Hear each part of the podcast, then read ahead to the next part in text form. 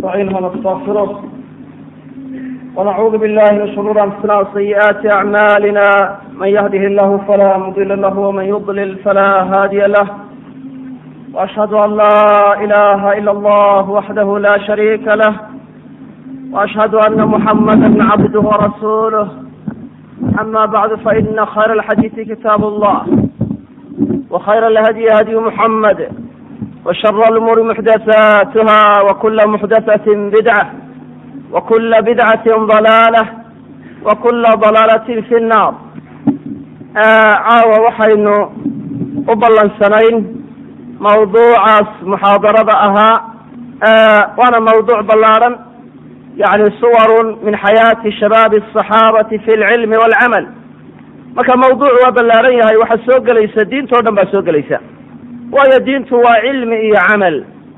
Diintu waa cilmi iyo camal. Saxaabada rasuulkuna sala allahu alayhi wasalam diinta waa dhaqan geliyeen waana ku dhaqmeen. Waa ku camal faleen. Rasuulka sala allahu alayhi wasalam baa ku rabeeyey oo baray diintii saxiixa ahayd ayuu baray. Alislaamu saxiix. Siduu u baray ba inay ugu dhaqmeen oo u hirgeliyeen. Marka mawduucu waxaad moodaa tusaalayaal baa laga bixinayaa fadliga cilmiga iyo camalku leeyahayna waxbaa laga tilmaamaya.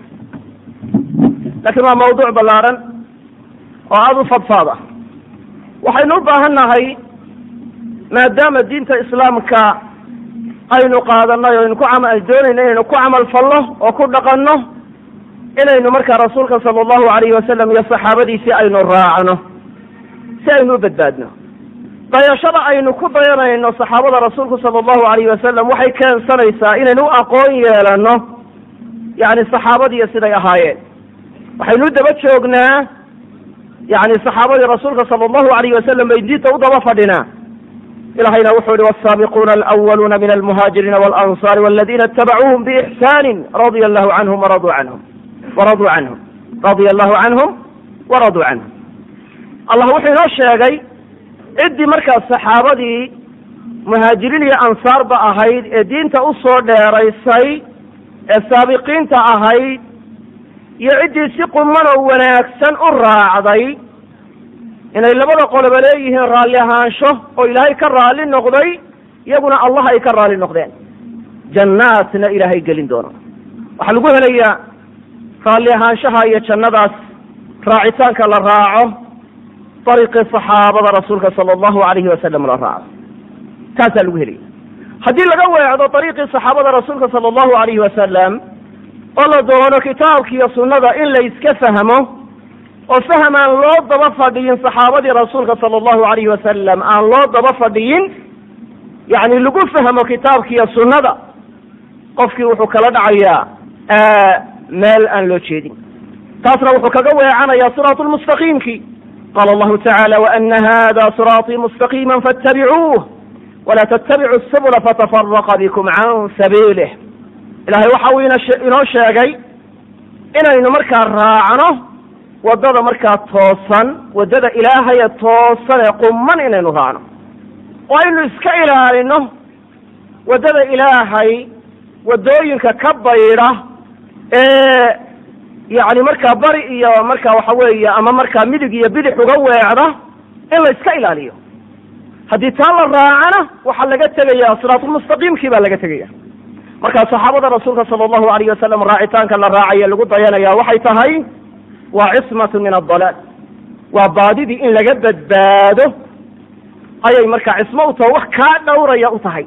Waa xizaamu lamaan yani waxa weeye waa xarigii ama waa xizaamkii ama waa suunkii nabadgelyada ee la xidhanayay weyi ariiqa saxaabada ariiqa saxaabada rasuulka sala allahu alayh wasalam raacitaanka la raacayo adilada baabkaa ku saabsanna waa fara badanta marka sida saxaabada gaar ahaan loogu sii sheegay sidaas weyi haddaynu u soo noqono mawduuca ugu horeyn diintu waxay ka kooban tahay cilmi iyo camal.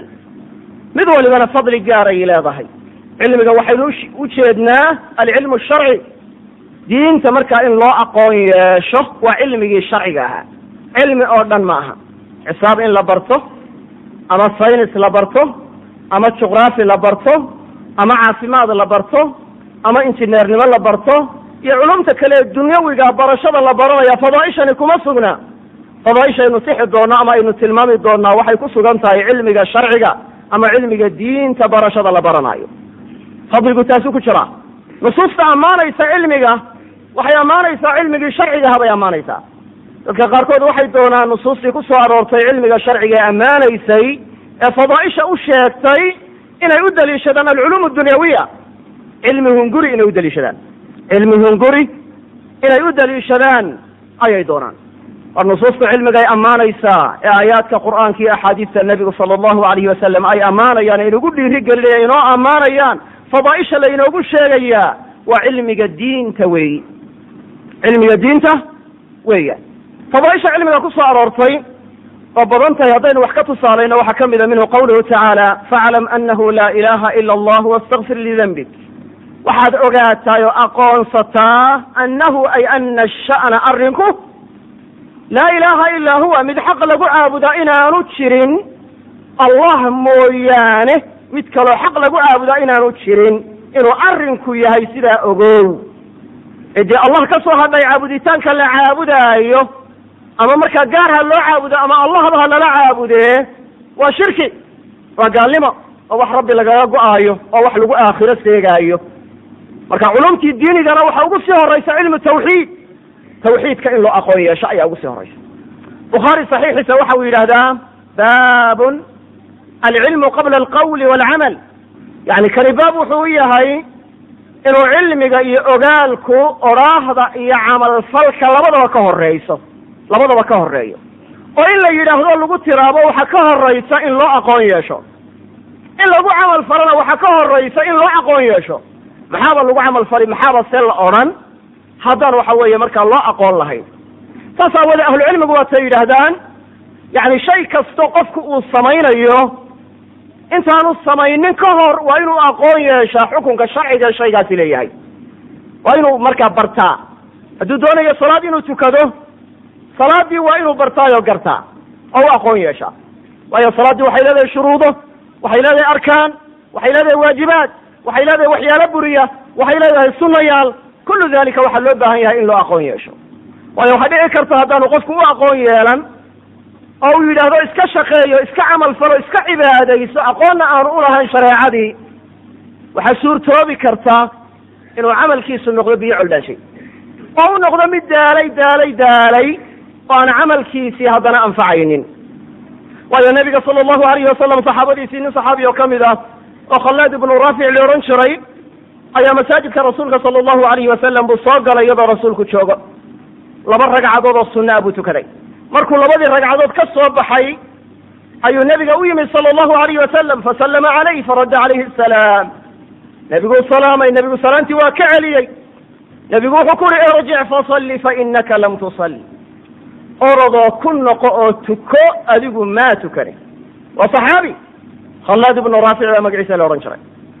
Farajaca fasallaa kama kana qad salla. Ninkii waa noqday waa tukaday. Siduu markii horeba u tukaday ayuu haddana u tukaday markaasuu nebiga haddana ku soo noqday waa salaamay salaamtii buu ka celiyey. Markaasuu sidiisi leeg buu ku uhi irjic fasalli fainaka lam tusalli. Orodoo noqo oo tuko waxba maa tukane isagu cindigiisa wuxuu islahaa waa tukatay. Laakiin nebigu wuxuu tilmaamay sala allahu alayh wasalam yani inay salaad la'aan tahay wuxuu tukaday. Foorfoorarsi inay iska tahay. Markii saddexaad saddex goor markii saasi dhacday markii saddexaad buu nebigu sala allahu alayh wasalam markuu ku yihi irjic fasalli fainaka lam tusal ayuu wuxuu ku yidhi waladii bacasaka bilxaqi nabiyan maa uxsinu gayra hada facallimnii wuxuu yihi waxaan ku dhaartay nebi muxamedow ka markaa yani ku soo diray xaalaad nebi tahaye sidaas si aan ahayn garan maayo hagaajin maayo ibar yani ninka bes bay ka ahayd ma garanayn hal ruknida arkaanta salaada ka miduu ka tegayey ictidaalka foorarsiga yani rukuucda uu fooraro markuu ka tooso ayuu fudaydinayey oo aanu ku xasilayn. Waayo waxaa la rabaa si qumaatiya intaad isku taagto oo dhabarka lafaha dhabarka mid weliba barteedii ay ku noqoto dabeedna marka aad ku xasisho xarakadaadi iyo dhaqdhaqaaqaagu go'aan la rabaa. Maanta dad badani iyagoo waxa weeye markaa isla waa tukanaysaan haddana waxa weeye salaaddii ma hagaajinayaan. Isagaan qumaatiba isu taagin oo aan laf waliba halkeedii ku noqonin ayuu haddana hoobanaya. Almuhim waxaynu ujeednaa yacni salaada marka la tukanayo waxay u baahan tahay salaada lafteeda in loo aqoon yeesho. Marka la soomaayo soonka in loo aqoon yeesho. Marka baayac mushtar la gelaayo baayac mushtarka in loo aqoon yeesho. Cumar bn waxaa laga sheegay inuu yidhi man lam yatacalam axkaama albayci akala riba shaaa am aba. Yacni ruuxa marka aan aan baranin axkaamta ay leedahay iibku uu leeyahay ee baayac mushtarku ee haddana doono inuu wax iibiyo ama wax iibsado ruuxaasi ribuu cunayaa ama ha doono inuu ribo cuno ama yaanu doonin. Bimacnaa ribadii wuxuu cunayaa isagaan garanayn waxay inay ribo tahay. Ma garanayo ribadii waxay tahay ma garanayo saas aawadeed si aanu dareemayn bay ribadu u soo gelaysaa. Waktigaynu joognana waa ka xaq jiraa oo waktiga axaadiistu ay sheegtay saya'tii zamaan waxaa iman doona wakti man lam ya'kul iriba asaabahu min gubaarih ruuxaan ribo cunin boodhkeeda wax ka midi uu haleelaayo ayaa iman doona buu nebigu yihi sala allahu alayhi wasalam xadiiska bukhaariga. Waxaa iman doona wakti qofkaan ribo cunini boodhkeeda wax ka midi uu gaari doono haleelayo ayaa iman doona. Waktigii baynu joognaa. Ribadu waa fara badan tahay. Sidaas aawadeed yani waxa weeye siyaalo badan oo qofku aanu dareemayn bay u soo gelaysaa marka bukhaari wuxuu saxiixiisa baabun alcilmu qabla alqawli walcamal waayo istikfaarkii in la amro maxaa laga hormariyey? Inuu aqoonta markaa in la amro. Faclam anahu laa ilaha ila allah wastakfir lidambik istikfaarkii waa la dambaysiye daliilka labaad ilahay waxau yihi inamaa yaksha allaha min cibaadihi alculamaau cid kaleba maaha cidda ilaahay ka baqanaysaa waa addoommadiisa kuwa cilmiga leh. Bimacnaa cidda allah ka baqanaysa ee addoommadiisa ka midi waxa weeye waa kuwa cilmiga leh wey xasrin baa la geliyey.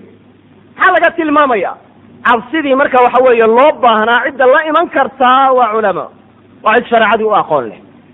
Qofku haddaanu shareecadii u aqoon lahayn waxaa dhici karta inuu waxyaalo bidaca ilaahay ku caabudo inuu is ilaahay ka baqo oo waxuu ilaahay kaga dheeraanayo inuu ka ku caabudaa laga yaaba dad fara badan ba ilahay waxay ku caabudaan shirkiyaad. Waxyaalo inay rabbi u shariig yeelaan inay cibaadadiisa cid kale la wadaajiyaan inay bidcooyin la yimaadaan kullu dalikay markaysagaa dad fara badan ay la yimaadaan marka cabsida layna amray waxaa lagu gudan karaa waxa weeye waa cilmi wuxuu kaloo ilaahay uu yidhi qul hal yastawi aladiina yaclamuuna waladiina laa yaclamuun waxaad tidhahdaa miyay siman yihiin yani ma sinna kuwa cilmiga leh wax garanaya shareecada garanaya iyo kuwaan garanayn waxaa loo jeedaa kuwa shareecada garanaya shareecadiina ku quman waayo waxaa jira culamaau suu yani culamo markaa xumaatay oo shareecadii ka qalloocatay baa jirta.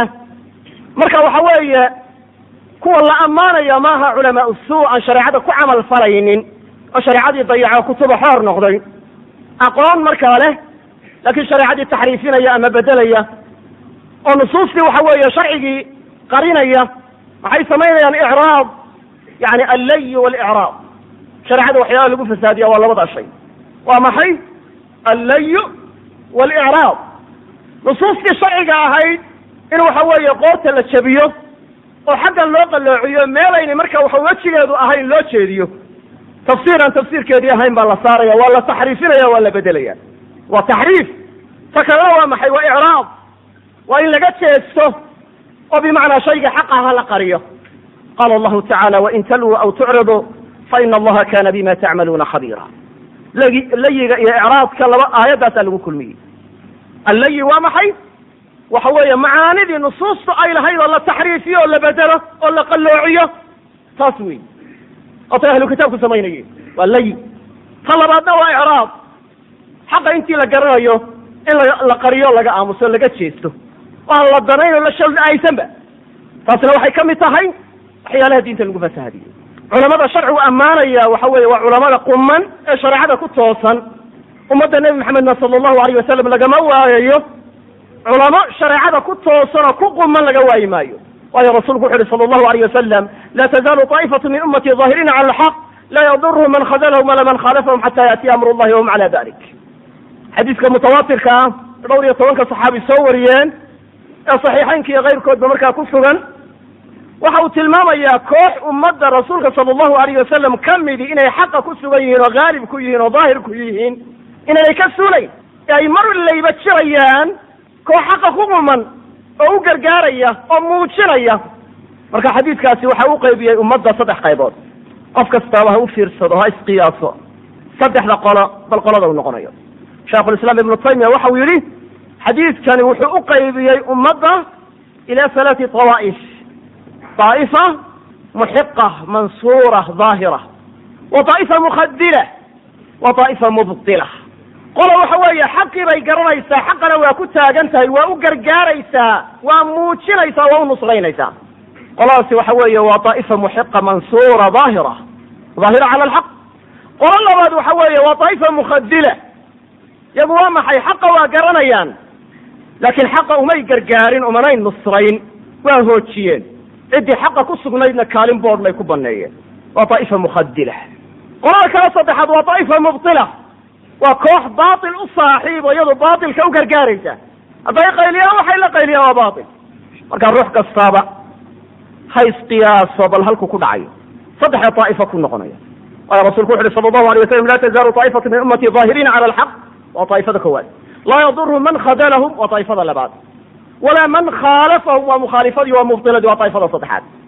Wahum cala dalik waxaa kaloo ilahay uu yidhi atiicu llaha wa atiicu arasuula wa uli lamri minkum allah ateeca rasuulkiisa sala allahu alayh wasalamna ateeca oo maqla kuwa amarka u saaxiibkaana maqla oo ateeca kuwa amarka u saaxiibkaa waxay asxaabtii rasuulku sala allahu alayh wasalam ku fasireen laba tafsiir bacdi waxay ku fasireen wa uli lamri minkum waxaa looga jeeda alumaraa oo madaxda saxaabada qaarkood baa sidaa ku fasiray waxaa kaloo lagu fasiray wa uli lamri minkum. Saxaabada qaarkood saxaabta qaarna waxay ku fasireen alculamaa waa culamada. Labada tafsiirba waa laba tafsiir oo salafkii ama saxaabadii laga hayo. Ahlu cilmiga qaarkood waxay sheegeen labada tafsiir isma diidayaan. Siduu jasaas iyo ibnu taymiya iyo ibnuqayim iyo ibnu kasiir iyo ibnu baz iyo culamo kaleba ay ku tageen. Waxay yidhaahdeen aayadda labadu waa soo gudagelayaan.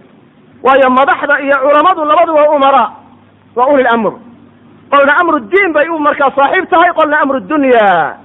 Qolna amarkii adduunyada qolna amarkii diinta. Markaa sidaas aawadeed labada noocba waa soo gelayaan waa ulil amri minkum. Haddaba daacada ilaah iyo rasuulkiisa la ateecaya waa mutlaq.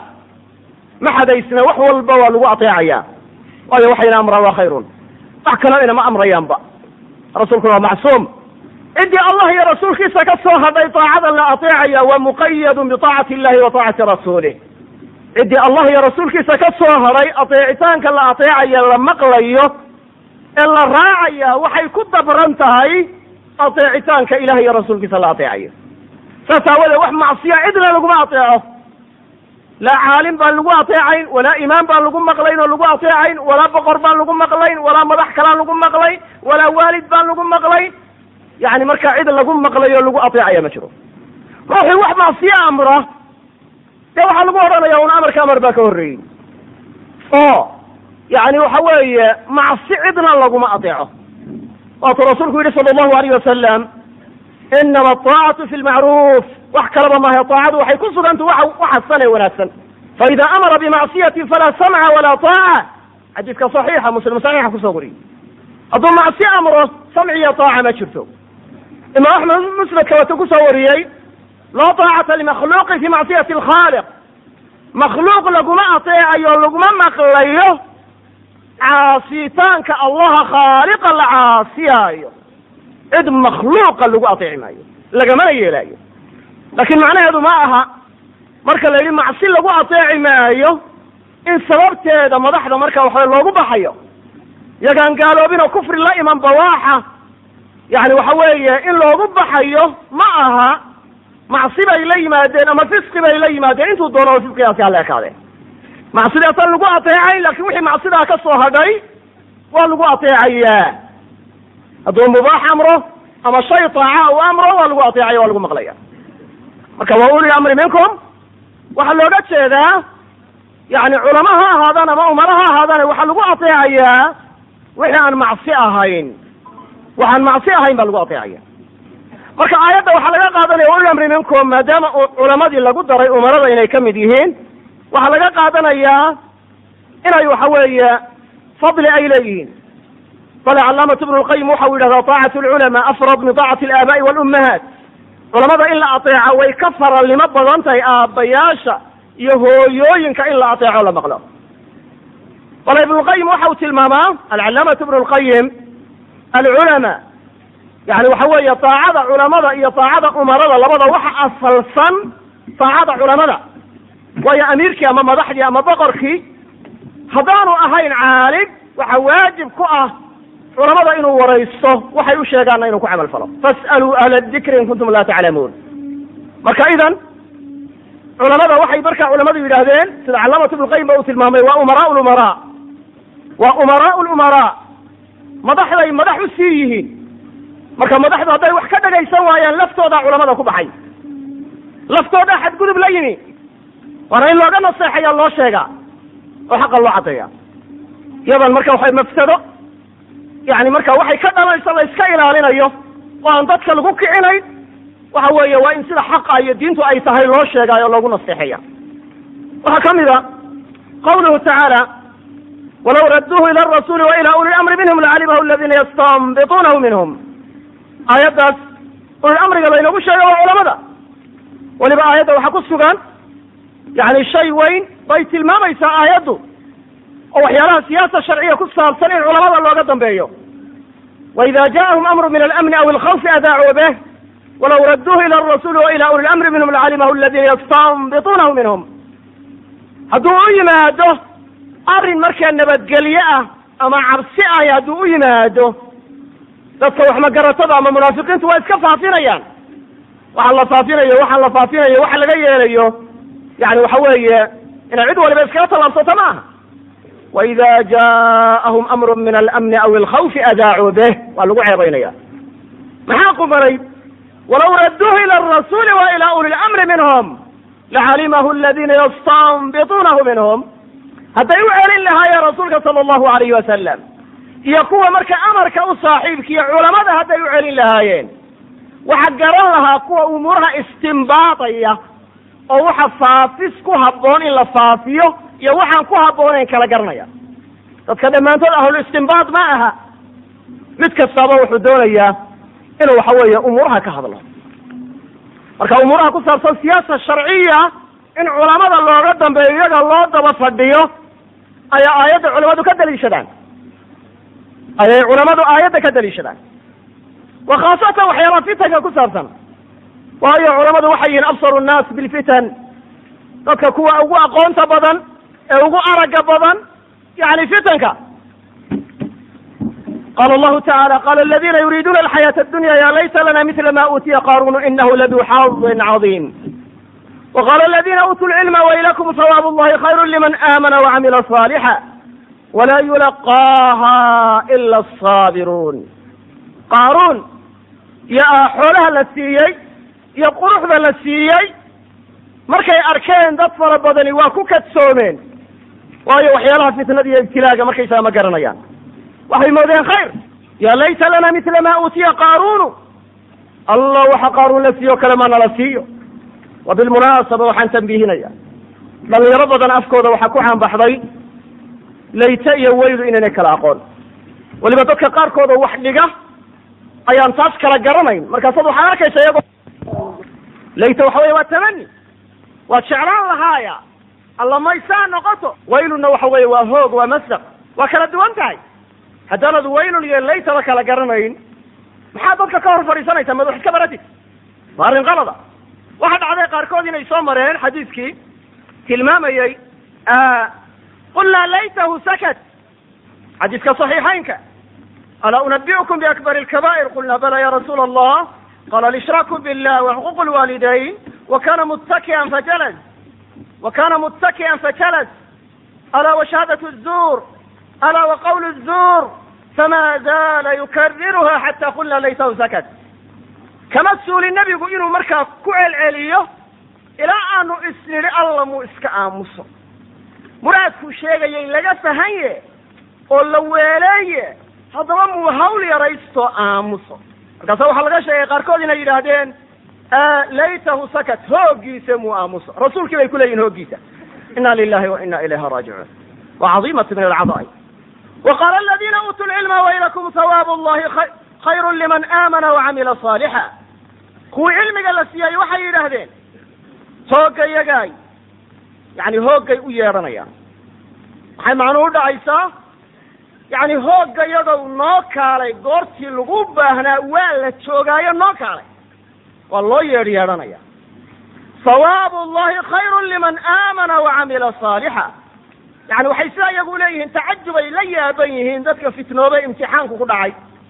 Ayay sidaa uleeyihiin sawaabu llahi khayrun liman aamana wacamila saalixa yani abaalmarinta ilaahay iyo ajarsiinta ilaahay iyo jannada ilaahay baa u khayr leh oo wanaag u leh ciddii waxa weeye iimaan iyo camal saalixa la timi oo la yidhahdo ismu tafdiil huna laysa cala babi walaa yulaqaaha ila asaabiruun aayaddaa waxay culamadu ka istimbaadeen. inay ahlu cilmigu yihiin dadka kuwa ugu marka aragga badan ee ugu aqoonta badan fitnada. waayo dadkii juhalada ahaa ee wax magaratadaha fitnadii may garan way iska tamaniyeen oo waa jeclayseen.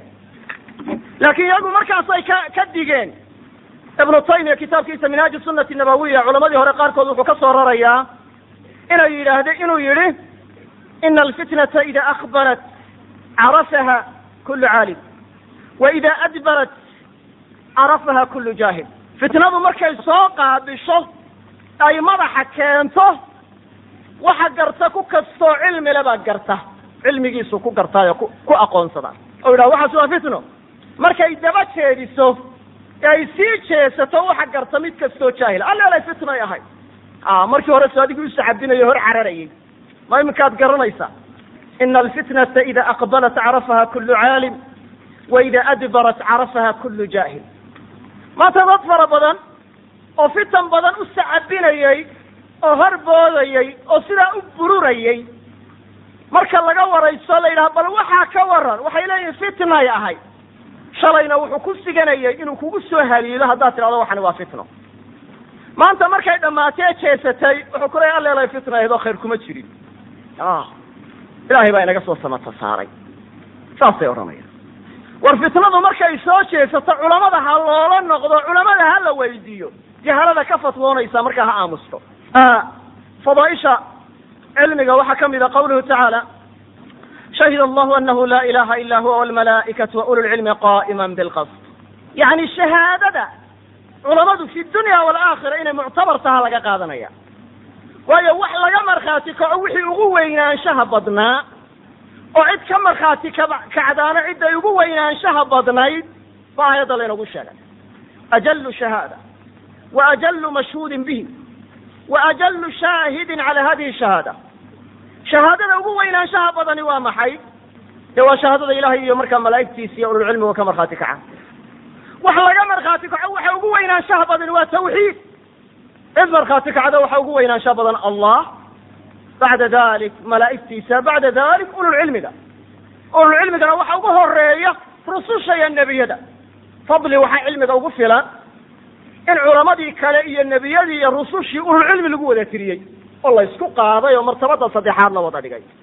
Iyadoo fadliga markay jira cilmigu uu darajaad yahay. Oo fadliga nebiyada iyo rususha aan cidi gaari karin.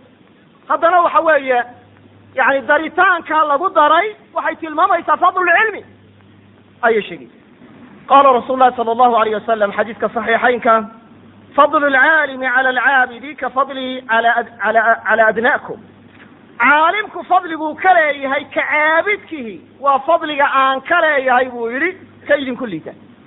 Xadiisku waa saxiix. Riwaaya kale waxay sheegaysaa fadlu lcaalimi cala alcaabidi ka fadli lqamari cala saa'ir alkawaakib. Yani fadliga caalimku ka leeyahay caabidka waa sida markaa dayix uga mudan yahay xidigaha kale. Wuxuu kaloo rasuulku yihi sala allahu alayhi wasalam khayrukum man tacallama alqur'aana wacallamah halkaa aan tilmaano cibaadada kan caabidka cibaadaysanaya nafcigiisu waa qaasir isaguu ku kooban yahay. Hadduu janno galo isagaa geli. Laakiin caalimka nafcigiisu waa mutacaddi. Waa gudbayaa dad buu hanuuninayaa. Dad buu indhaha u jeexayaa. Ee isku nafci maaha. Ruux isagu wax arkaya iyo iyo ruux waxa weeye marka ama isagun camal falaya oo ka dhexeeya dee isagu inuu badbaadiyo inuu badbaadi waayo.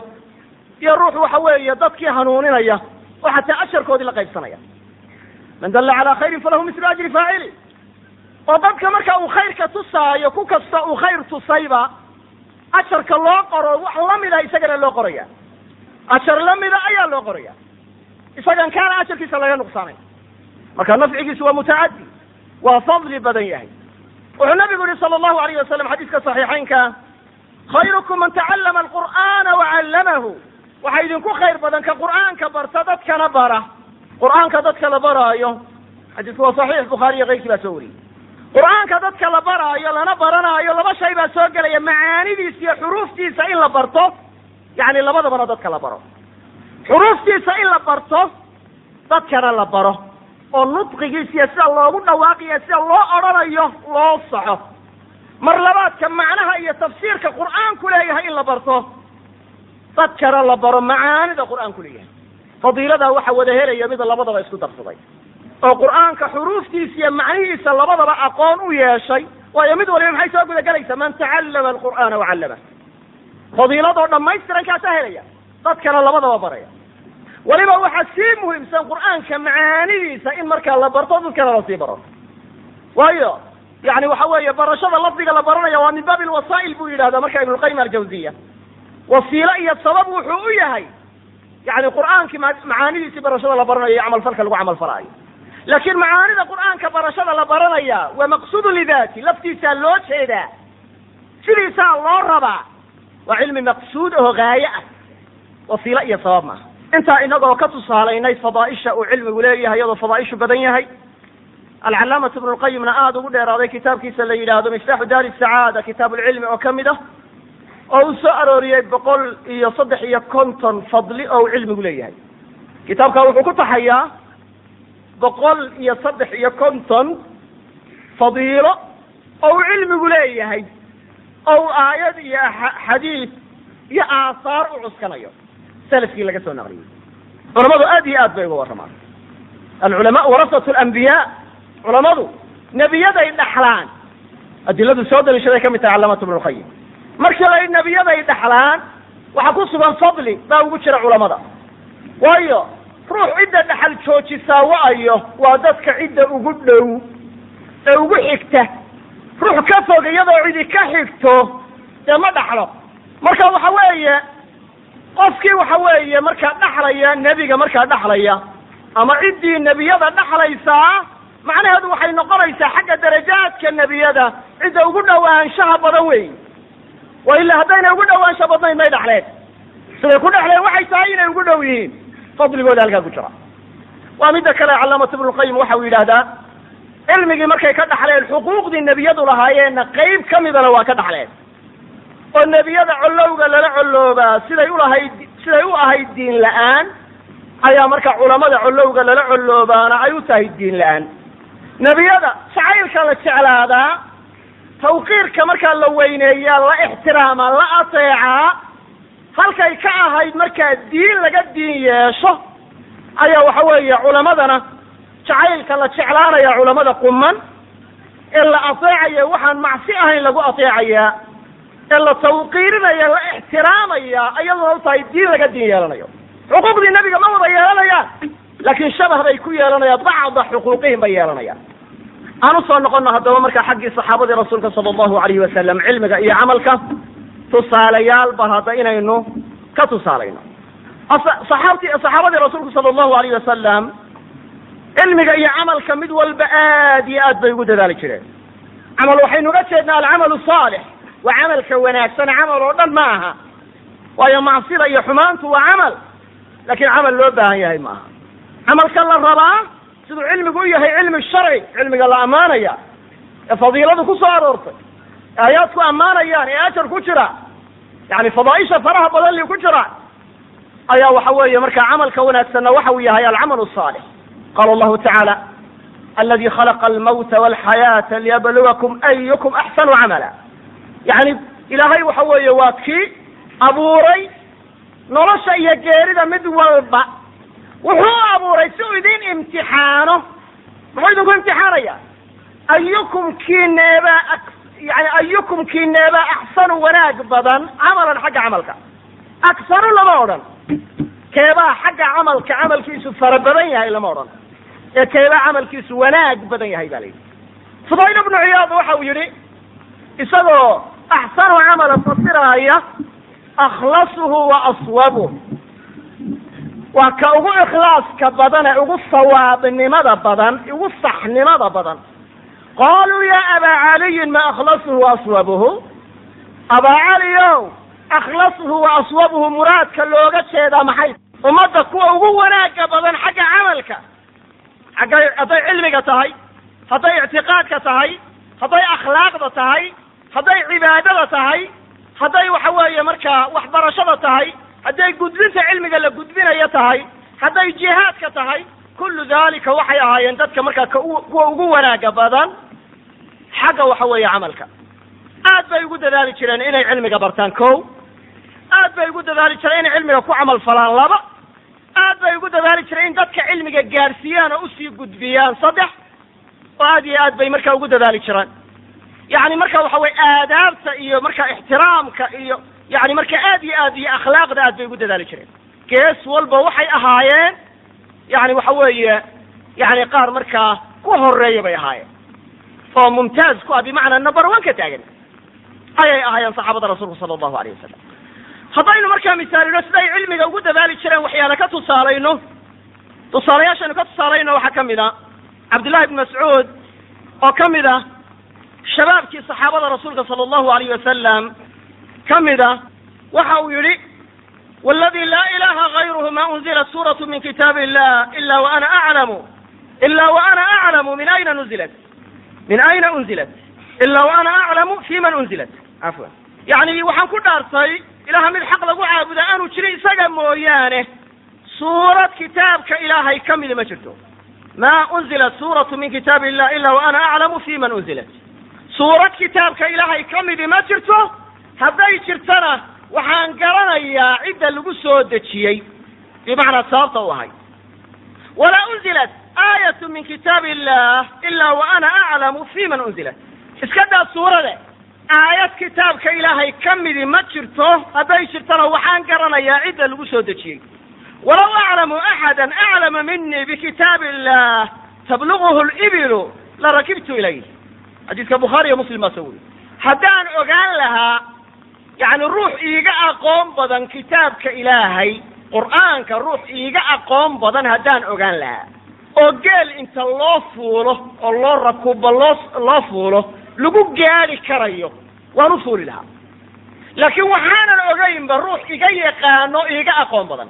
Kama ahayn taasi tafaakur iyo faanfaan kamay ahayn. Wuxuu tilmaamayaa siduu cilmiga ugu dadaalay. Man jadda wajad kii dadaalaa waa helaa siduu ugu dadaaluu tilmaamaya. Mar labaadkana wuxuu tilmaamaya dadka utusaalaynayaa inuu cilmi hayo si ay dadku uga bartaan oo waxa weeye marka uga qaataan. Faanfaan kama aha iyo niyad xun ugama jirto. Abu hurayra rasuulka sala allahu alayhi wasalam afarta afar sano ayuu aad iyo aad u yani u markaa u dul joogay oo u laazimay. Sanadii toddobaad ee hijrada ayuu islaamay. Intii to sanadii toddobaad ee hijrada ka horeysay wuxuu ahaa gaal labaatankii sane ka horreeyey bimacnaa sagaal iyo tobankii sane ka horreeyey ee nebigu mabcuus ahaa gaalnimo iskaga jiray. Yani intuu waxa weeye markaa jiray. Xaaladaasuu islaamay sanadii toddobaad. Afar sanuu nebigu sii noolaa. Afartii sanuu ku dadaalay xadiiskii cilmiga si la yaab le har yaabeen nebiguna ugu duceeyey. Halka dadku shaqo tagaan ma shaqo tegi jirin. Wuxuu ihi sidaan markaa u baranayo yani waxa weeye nebiga markaa waxa weeye xadiiska uga qaadanayo hadhowna xadiiskii aan markaa u baranayo ee markaa u qaybayo ee ugu celcelinayo ayaa gaajo daraaddeed baan dhici jiro suuxi jiray buui markaasay dadku waxay moodi jireen inaan waalanahay wax waaliina iguma sugnayna gaajo weeye waxaan la diidaya la dhacaya. Hadda baltay dadku waxay moodi jireen inaan waalanahay wax waali ima hayso. Gaajaan la diidaya la dhacaya. Taasi waxay tilmaamaysaa siduu waxa weeye cilmiga aad iyo aad ugu dadaalay saas aawadeed waa saxaabiga ugu faraha badan axaadiista nabiga laga soo wariyey sala allahu alayh wasalam shan kun oo xadiis in ka badan baa laga soo wariyey. Saxaabi marka waxay la tira axaadiista laga soo wariyay nabiga sala allahu alayh wasalam ma jiro abu hurayra. Number one wey waxay kutusinaysaa siduu ugu dadaalay abu hurayra waxau ihi nabiga sala allahu alayh wasalam xadiiska saxiixa waxaan weydiiyey man ascadu nnaasi bishafaacatika yawma alqiyaama? Dadka yaa ugu marka ayaam badan shafaacadaada maalinta qiyaame yaa ugu ayaan badan. Markaasuu nabigu wuxuu ku jawaabay sala allahu alayhi wasalam abu hurayra waan garanaya su'aashaa cidaan adiga ahayn inay su'aalay bimacnaa waxa weye siduu cilmiga ugu dadaalayu nabigu u qiray waa shahaada min arasuul sala allahu alayhi wasalam markaasuu nabigu u sheegay sala allahu alayh wasalam man qaala laa ilaha ila allah khaalisa min qalbihi aw qaala khaalisa min nafsih yani shahaado uu rasuulku siiyey ayaa halkaa ku jirta waan garanaya cidaan adiga ahayni hortaa inayna iweydiinayn bimacnaa adiga ugu horaynayo wax is-su'aala dadaalkaad cilmiga ku dadaalaysa daraaddeed. Cabdillahi ibnu cabbaas waxa uu ka mid ahaa shabaabkii saxaabada. Waxa uu dhintay isagoo qaangaadhnimo sigayo ku dhow cabdillahi ibnu cabbaas ayuu nebigu dhintay sala allahu alayh wasalam yani qaangaadhnimadii uu qarka u saaraa. Wuxuu hi markii nebigu dhintay sala allahu alayh wasalam waan gudnaa dadkana waxaa la gudi jiray markay qaangaadhaan. Bimacnaa caadadaasaa jirtay. Marka qaangaadh buu markaa ahaa ama markaasuu qaangaaday? Cabdillahi ibnu cabbaas cilmiga aad iyo aad buu ugu dadaalay. Waxaa dhacday cabdillahi ibnu cabbaas. Wuxuu yihi wajadtu caamata asxaabi rasuli lahi sala allahu alayh wasalam cinda hada alxayi min alansaar in kuntu laakiilu bibabi axadihim walaw shi'tu udina lii walakin abqi bidalika tiba nafsi waxaa cabdillahi ibnu cabbaas laga soo wariyay inuu yidhi asxaabta rasuulka sala allahu alayh wasalam badankooda ama axaadiista rasuulka sala allahu alayh wasalam badankooda lafdi kale waxaan markaa ku ogaaday yani qoladaa ansaartaa inuu ahaaday ama saxaabada inay u badnaayeen. Markaasaan dabeedna waxa weeye goorta ay ugu kulushahay yooma yoomaha ay tahay ayaan dabeed markaa soo dhaqaaqi jiray bu ihi dabeedna marka waxa weeye albaabka midkood mid ansaarta kamida albaabkiisaan ku qayluulaysan jiro dabadiisaan seexan jiray. Haddaan ku garaaco idan weydiisto an idhaahdo marka waxa weeye cabdillahi baa ku doonayana waa lay fasixi lahaa. Laakiin waxaan uga jeeday inaan inaan inaan idan weydiisan waayo waxaan uga jeeday inaan waxa weeye markaa aan wax dhibaato ah yani qalbigooda iyo karaahiye aanay ka dareemin oo naftoodu iyadoo raalli igu tahay oo iga raalli yihiin. Ay wax ii sheegaan. Goortaa kulul intuu yimaado ayaa albaabka midkood buu iska jiifsan jiray. Hadhow markuu ishaao casarka u soo bax ayuunbu wuxuu arkaa nebiga inaadeerkii ila cabdillahi ibnu cabbaas. Nebiga ilmaadeen rumay ahaayeen waa ahlu beytkii waa cabdillahi ibnu cabbaas ibnu cabdilmuطalib laba walaalaha kala dhalay iyo maxamed ibnu cabdillahi ibnu cabdilmuطalib markuu beri marka uu soo baxo ayuunbu wuxuu arkaa anigoo markaa halkaa jiifa. Markaasuu naxaa markaasu ya bna cami rasuulillah rasuulka inaadeerkiio maxaa meesha ku jiifiyey? Maad igu garaacdi? Markaasaan dabeedna waxa weye xadiis baan weydiiya markaasuu dabeedna ii sheega daarimi iyo keyrkii baa soo wariyey. Duruq badan baanu leeyahay dariiqyada qaarkoodna waa saxiix ba layidhi nin kaloo ansaarta ka mid a oo isaguna dhalinyaro ahaa ayaa wuxuu arkay cabdillahi ibnu cabbaas oo aad markaysaga waxa dadka u weydiinaya axaadiista oo u waraysanaya oo le xadiidkaa iga warran maxaa halkaas yani maxaad nabiga ka maqashay axaadiistii wax iiga sheeg markaasuu yihi maxaad markaa yani sidan ka samaynaysaa. Waxaa laga yaabaa bu yihi cabdillahi ibnu cabbaas in aniga lay baahdo oo cilmi lay bido. Markaasu oy adiga ayaa ku baahanaya saxaabadii rasuulka ayaa joogtee bimacnaa saxaabadii waaweyneyd baa joogtee adiga maxaa lagaga baahanaya?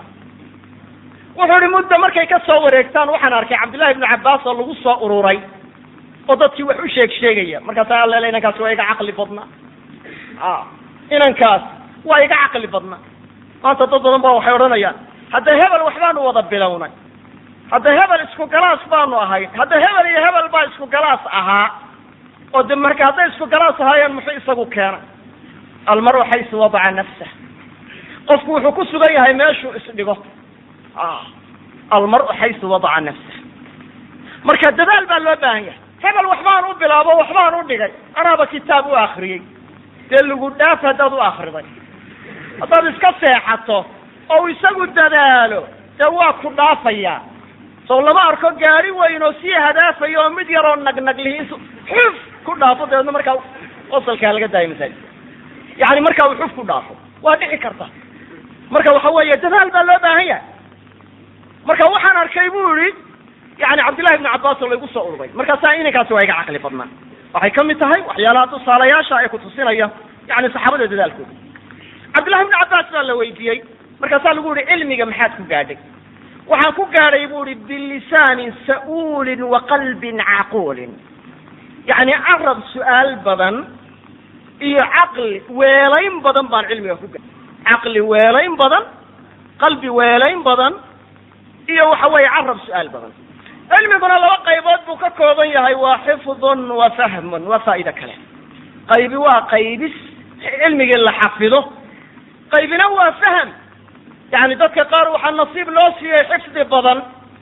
Ay wax qaybaan laakin fahamkoodu waa qaliil waa yar yahay dadka qaarna waxaa nasiib loo siiyey faham badan laakin xifdigoodu waa qaliil waa yar yahay qaarna labadaba waa la isku daray. Fadl llahi wadalika fadl llahi yutiihi man yashaa. Qaarna labadaba waa ka qade ilah waa naga yeeli saxaabada rasuulka sala allahu alayh wasalam waxaynu kaba ka tusaalaynaynaa inagoo tilmaamaynaa xagga marka waxaway cilmigooda iyo siday marka ugu dadaali jireen iyo siday waxa weeye dadka marka ugu gudbin jireen cilmiga mid waliba waxa weeye tusaalayaal badan ayaa marka laga heli karaa oo laga tusaalayn karaa waxyaalaha aynu ka tusaalayn karna waxaa ka mid a cabdillahi ibni cumar oo kale aad iyo aad buu cilmiga ugu dadaali jiray. Waxa uu ahaa mid markaa ku dadaal badan yani cilmiga.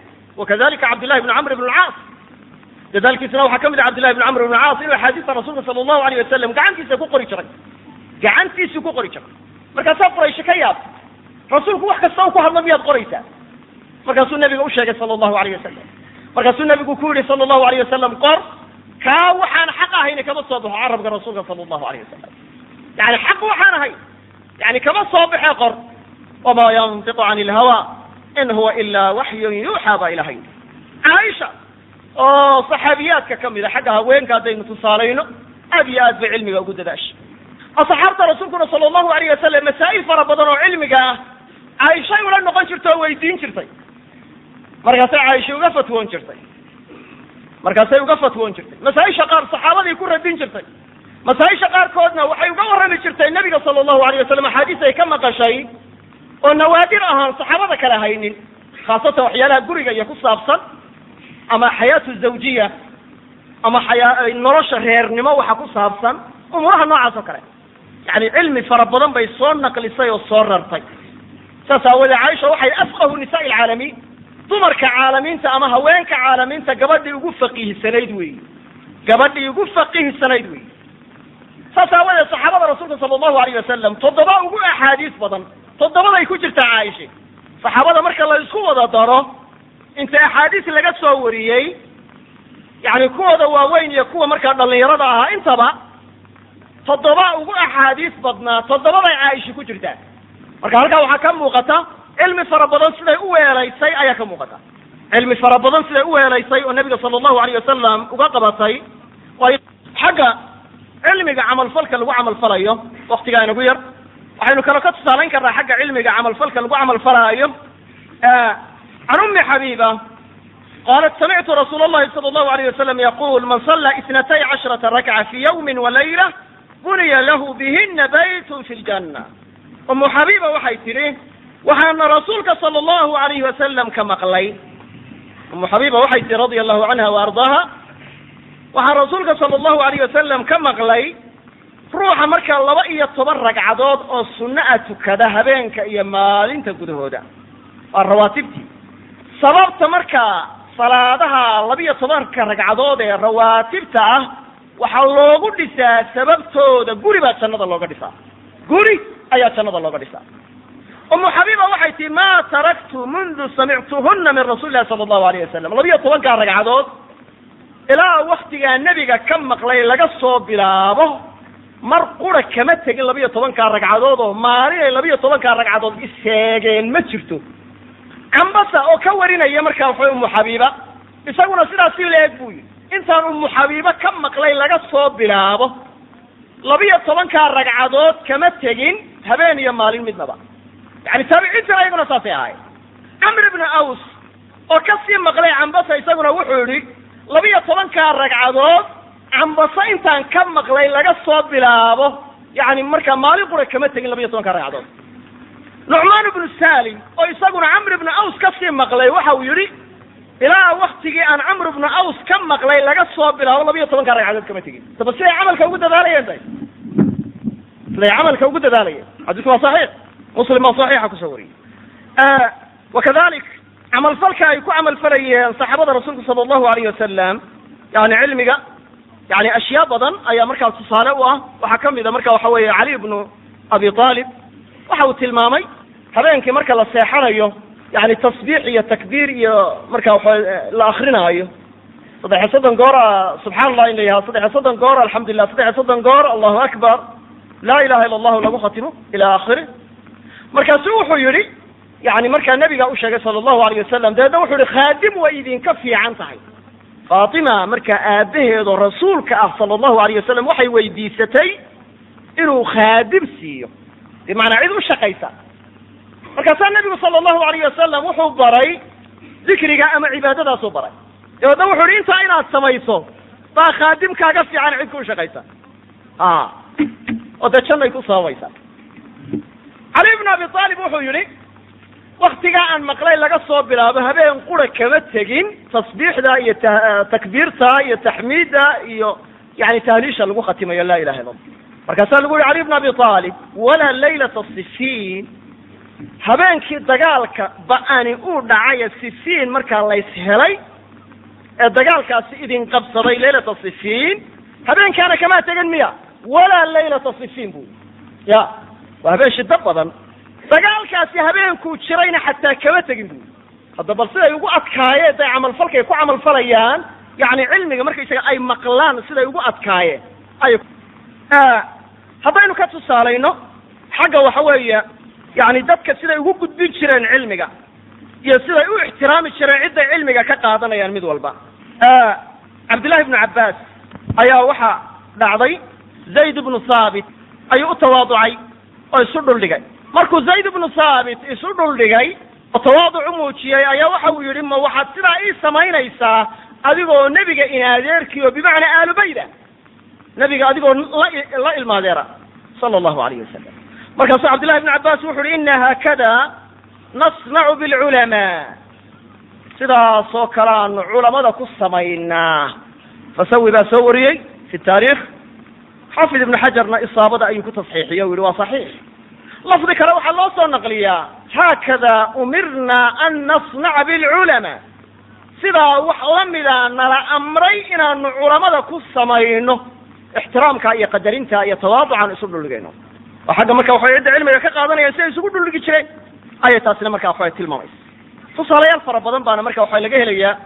Ixtiraamka marka cabdillahi ibnu cabbaas markuu waxaweye dabadda seexanayo wuxuu ga jeedaa qadarin iyo ixtiraam marka uu ixtiraamayo oo waxa weeye hadduu ku garaaco iyadoo loo fasixi lahaa haddana ixtiraam bay ka tahay iyo qadarin iyo la iyo marka inaba si aan markaa nafsadoodu karaahiyo aynay markaa uga daraynin ay nacayaan ama ficiladiisa qaar karaahiyeysanayaan xataa waxa weeye bacda saxaaba saxaabada dabadeed taabiciinti iyo atbaacu taabiciinti iyo salafkii waxaa laga soo naqliya iyadana saas in la eg ixtiraam badan inay ixtiraami jireen oo ay qadarin jireen oo ay aad iyo aad u xaq dhawri jireen cidda cilmiga ka qaadanaya waxaana marka waxa laazima ruuxa marka waxa cilmi ku faa'iideeyaa axsana ilayka waa kuu samafalay rasuulku wuxu uhi sala allahu alayh wasalam man sanaca ilaykum macruufa fakaafi'uuh. Fain lam tajiduu ma tukaafi'uunahu fadcuu lah. Kii wanaag idin falo oo idin sameeya u abaalguda haddaa weydaan waxa ugu abaalguddaan u duceeya.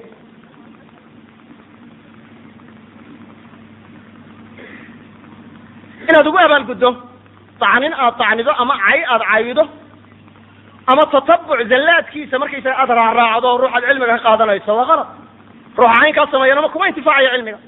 Cilmiga ku intifaaci maayo. Waxaa la yidhaha jazahu jazaha sinimar wuxuu u abaal u abaalmariyey sidii sinimar loogu abaalguday sinimarku waxa la wuxuu ahaa nin waxaway injineer ah. Markaa nin boqora ayaa yidhi guri wanaagsan idhis.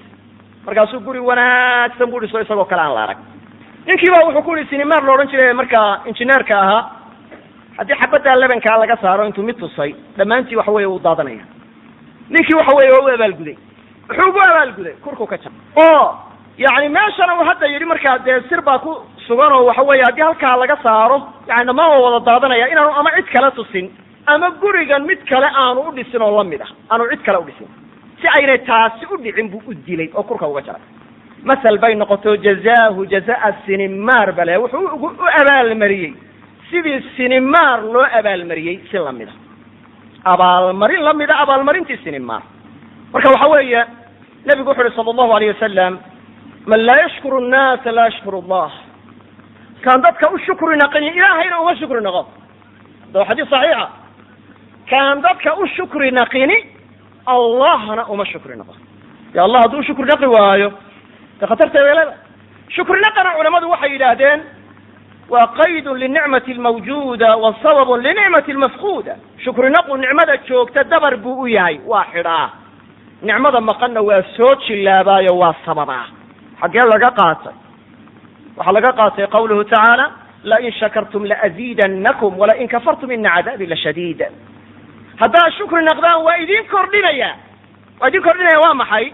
Taa haysaan baan idin daynayaa tu kalena waa idinku daraya ila shaygu ma siyaadayo haddaan tii hore la xabisin. Marka ta horena waa idin daynaya waa idin joojinaya waa idin xabisaya.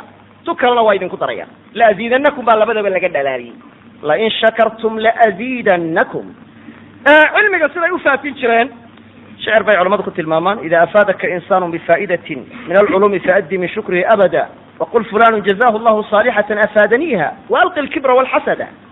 Haddii qof markaa faa'ido cilmiya kuu faa'ideeyo faaddi min shukrihi abada shukri naqiisa weligaa gudo waqul fulanu jazahu llahu saalixatan tanwiihi arrinkiisa waxaad tidhahdaa hebel ba ilaahay wanaag ha kaga abaalmariya afaadaniiha ii faa'ideeye waalqi alkibra walxasada kibirki iyo xasadkana labadaba tuuro xor yani kibir iyo cilmi barasha iskuma gasho alcilmu xarbun lilfata almutacaali kasayli xarbun lilmakani alcaali bayt shicray waxay ku yidhaahdeen cilmigu wuxuu ku yahay col buu la yahay wiilka isi sarraysiiya ee kibra. Cilmigu col buu la yahay. Oo dee ma galo ha ka leexdaa ya saasrifu can aayaatiya aladina yatakabbaruuna fi lard ilahay baa qur'aanka ku yidhi. Waa ka weecinaya waa maxay? Dee cilmigu maba gelayo wey alcilmu xarbun lilfata almutacaali kasayli xarbun lilmakani alcaali. Sida daadkuba col ula yahay meesha dheer oo daadku meeliba meeshay ka hoosaysuu doontaa. Ya dee meel dheer ma koro. Hata yidhahan waa biyo sara tegey. Dee hadda markaysa marka waxyaalaha lagu dallacaaye laakin sidooda uma koraan. Marka waxa weeye waa in aadaabta cilmigana lagu dadaala siday cilmiga u faafin jireen shacbi waxa uu yidhi amsaka ibnu cabaas birikaabi zayd ibni thaabit. Maya waxa weye mid kalean ujeeday yuallimuni alqur'aana walfaraa'id. Wuxuu yihi cabdillahi ibnu cabbaas waxa uu ahaa yani marka addimaduu iga xidhi jiray muxuu ii xidhi jiray? Si uu qur'aanka iyo faraa'idda ii baro ayuu ii xidhi jiray. Waa si aanu wax kale ugu mashquulin. Waa siday marka ugu dadaali jireen cilmiga inay nashriyaan oo faafiyaan. Waxaynu garan karnaa xadiiskii marka mucaad ibnu jabal. Xadiiskaas marka rawahu lbukhaariyu majzuman beh. Bukhaari baa soo wariyay iyadoo la jazminaayo ama markaa siiqatu tamriid ku warinaya siiqa uu jazminayo uu ku wariyay taasina culamadu waxay yidhahdeen ay ku istiqraareen inuu saxiix yahay. Waata marka ay yidhaahdeen mucaad ibnu jabal. Waatuu nabigu sala allahu alayh wasalam yani u sheegay mas'alo. Ya mucaad atadri xaqa allahi cala alcibaad wa xaqa alcibaadi cala allah? Yani waxa weeye mucaadow xaqa ilaahay addoommadiisa kuleeyahy xaqa addoommadu allah kuleeyihiin ma garanaysa. Markaasa waxa weya nebigu sala allahu alayh wasalam wuxuu yihi marka waxa weya allah warasulu aclam markaasaa nebigu u sheegay sala allahu alayh wasalam xaqu llahi cala alcibaadi an yacbuduhu walaa yushrikuu bihi shaya xaqu llahi cala alcibaad an yacbuduhu walaa yushrikuu bihi shay-a waa inay caabudaan aan waxba ugu shariig yeelin baa xaqa ilaahay addoommadiisa kuleeyahay ay tahay. Wa xaqu lcibaadi cala allah. Xaqa yani addoommadu allah ay kuleeyihiinna waa inaan u cadaabin cid aan u shariig yeelin. Markaasa waxa weeye mucaad ibnu jabal waxa uu yihi ya rasuula allah dadka ma ugu bushaareeyaa markaa nebigu wuxu uhi laa tubashirhum fayattakilu dadka ugu bushaarayn dabeed marka ay tala saartaan. Yani si ayna udhicin inay tala saartaan haddaad ugu bushaarayso waa tala saaranaya bimacnaa waxa weye si kale waa dhici karta inay ufahmaan ay qalad u qaataan oo ay camalka ka tagaan. Marka si aan taasi u dhicin dadka ha u wada sheegin baa laga tilmaamaya. Xadiisku wuxuu tilmaamaya faakbaraha mucaadun cinda mawtihi ta'asuma mucaad wuxuu ka warramay markuu geeriyoonayey ayuu ka warramay baqasho uu dembi ka baqanayo daraaddeed buu uga warramay. Bimacnaa waxa weeye cilmiga aad iyo aad inay ufaafin jireen oo waxa weeye xataa xaraf ka mida inaynay qarin ay isku dayi jireen baa laga qaadanaya. xadiiskaa weliba iyadoo nabigu laa tubashirhum fayattakilu ayuu haddana wuxuu is yidhi war armaad waxa weeye ku dambowdaa haddaad waxa weeye markaa masaladaa sheegi weydo. Marka dembi ka baq daraaddeed ama dembi ka carar ayuu waxa weeye u sheegay markuu waxa weeye geeridu ku soo ku soo xaadiraysa. Qadarkaas ayaynu ku kaaftoomaynaa intaas ilaahay hanagu anfaco. Wallahu aclam. Subxaanaka allahuma wabixamdika ashhadu an la ilaha illa anta astaqfiruka waatub ilayk